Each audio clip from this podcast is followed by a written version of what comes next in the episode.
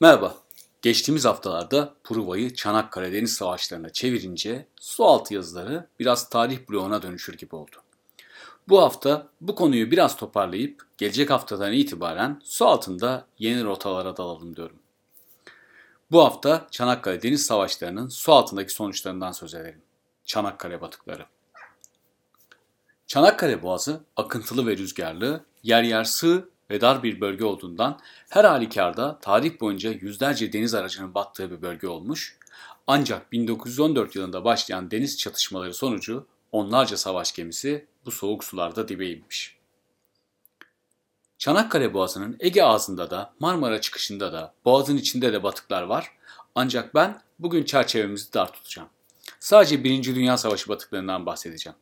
Çünkü boğazdaki batıkların tamamı için kitap yazsak yetmez herhalde. Çanakkale'de batık çok ancak dalgıçlar açısından durum biraz zorlu. Çünkü bu batıkların bir kısmı ya çok derinde ya da boğaz trafiği üzerinde. Üstelik boğazın akıntılı suyu rüzgarlı havası da dalışı zorlaştırıyor. Şahsen ben Çanakkale ve çevresinde yüzden fazla dalış yapmış olmama rağmen bu batıklardan sadece üçüne dalabildim. Bunlardan ilki kömür batığı ki bu batık Gelibolu Yarımadası'ndaki çıkartmaya kömür taşıyan teknelerden biri ve sadece 5 metre derinde yatıyor. Çanakkale Deniz Savaşı sırasında batan ve dalma şansı bulduğum ikinci batık ise Suvla Körfezi'nde 28 metre derinde kumluk alanda yatan ve hala bir bütün olarak duran HMS Lundy. İngiliz tersanelerinde 1908 yılında inşa edilen HMS Lundy bir balıkçı teknesiyken 1915 yılında İngiliz Savaş Bakanlığı'nın hizmetine girerek mayın tarama gemisine çevrilmiş.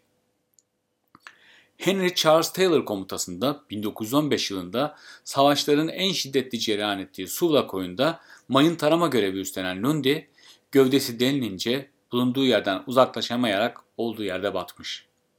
Gemi personeli denize atlayarak kurtulmuş.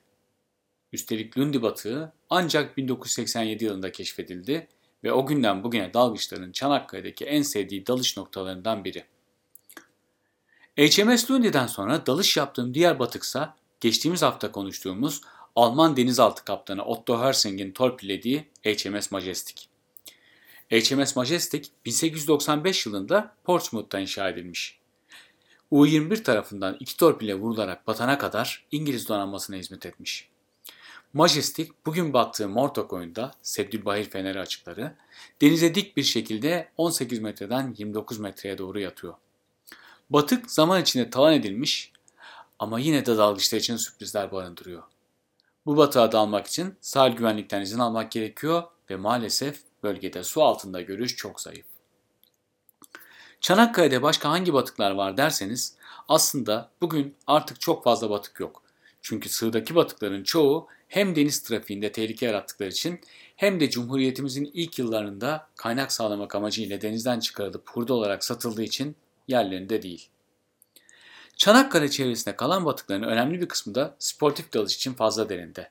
Bu yüzden buralara ancak teknik dalış yapanlar inebilir. Bunların en önemlisi ise yine Otto Hersing'in U-21'nin torpilleriyle batırılan HMS Trump. HMS Triumph bugün Kabatepe açıklarında 56 metreden 72 metreye tek parça halinde uzanıyor.